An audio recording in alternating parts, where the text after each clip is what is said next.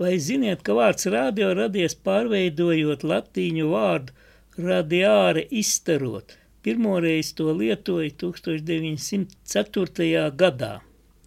Pirmajos radio sakaru gados izmantoja apzīmējumu bezvadu telegrafs vai bezvadu telefons. Latviešu valodā bieži lietoja aizgūmu no vācu valodas bezdrāts. Starp citu, angļu valodā joprojām līdzās vārdam radio lieto wireless, vārds sakot bezvadu. 1912. gadā šie termini jau vairs nebija precīzi. Aparatūras konstrukcijā izmantoja daudz vadu, tāpēc nosaukums bezdrāts šķita pilnīgi nevietā. Un tā šajā gadā Londonas starptautiskā radiotelegrafistu kongresa dalībnieki nolēma elektromagnetiskos viļņus raidošu un uzturošu aparātu apzīmēšanai lietot vārdu radio.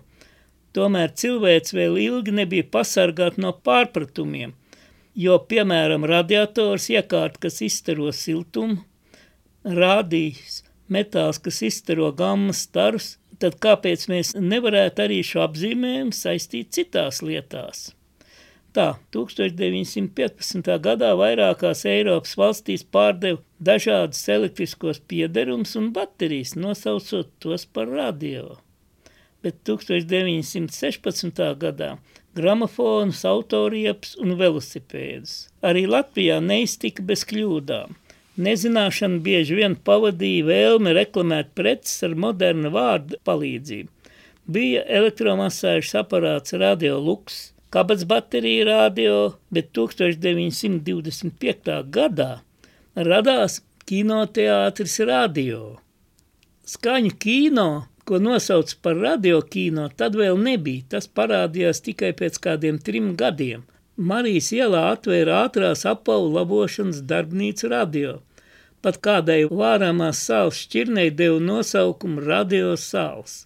Tagad mēs droši vien iedomātos, ka no tās nāk radioaktivitātes briesmas, bet iedomājās jau arī tajos laikos.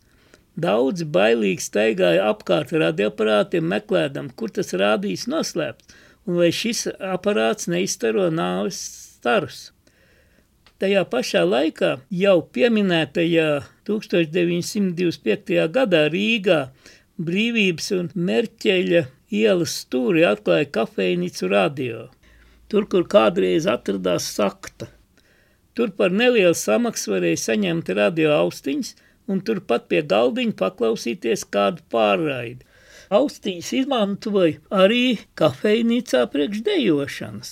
Pie griestiem bija konstrukcija no kuras stiepās vadi uz austiņām. Un dejotāji uzlika austiņas un varēja nelielu daudzumu kustības veikt. Taču radioeksotisks laiks neturpinājās ilgi. Jau nākamajā gadā radio ienāca daudz cilvēku ikdienā, un šis vārds zaudēja pievilinātāju lomu. Vienīgi kino radio modernu Krišana Barona un Elizabetes ielas stūrī pastāvēja līdz otrajam pasaules karam. Pēc kara pirmā latvieša radio diktori Mirdzi Ķempe Adamsona kopā ar Jāni Žīguru tur iekārtoja Leļu teātri. Šķiet ar to arī varētu beigt stāstījumu par vārdu radio kurioziem. Taču tas nemaz nebija tik sen, gadus 25 atpakaļ. Iegāju sēklu veikalā, lai iegādātos sēklas savam mazdāziņam, un ieraudzīja nosaukumu Kliņģerītes radio. Tā ir domāta šķirne, pēc visas spriežot. Protams, nopirku joka pēc, iesēju, un tad atcerējos, ka radio vārds tajos gados 26. viņu bieži pielika kaut kam, lai parādīt kaut ko ļoti īpatnēju un izcilu. Tad nu varētu jautāt, kuros gados radusies šī kliņģerīša šķirne.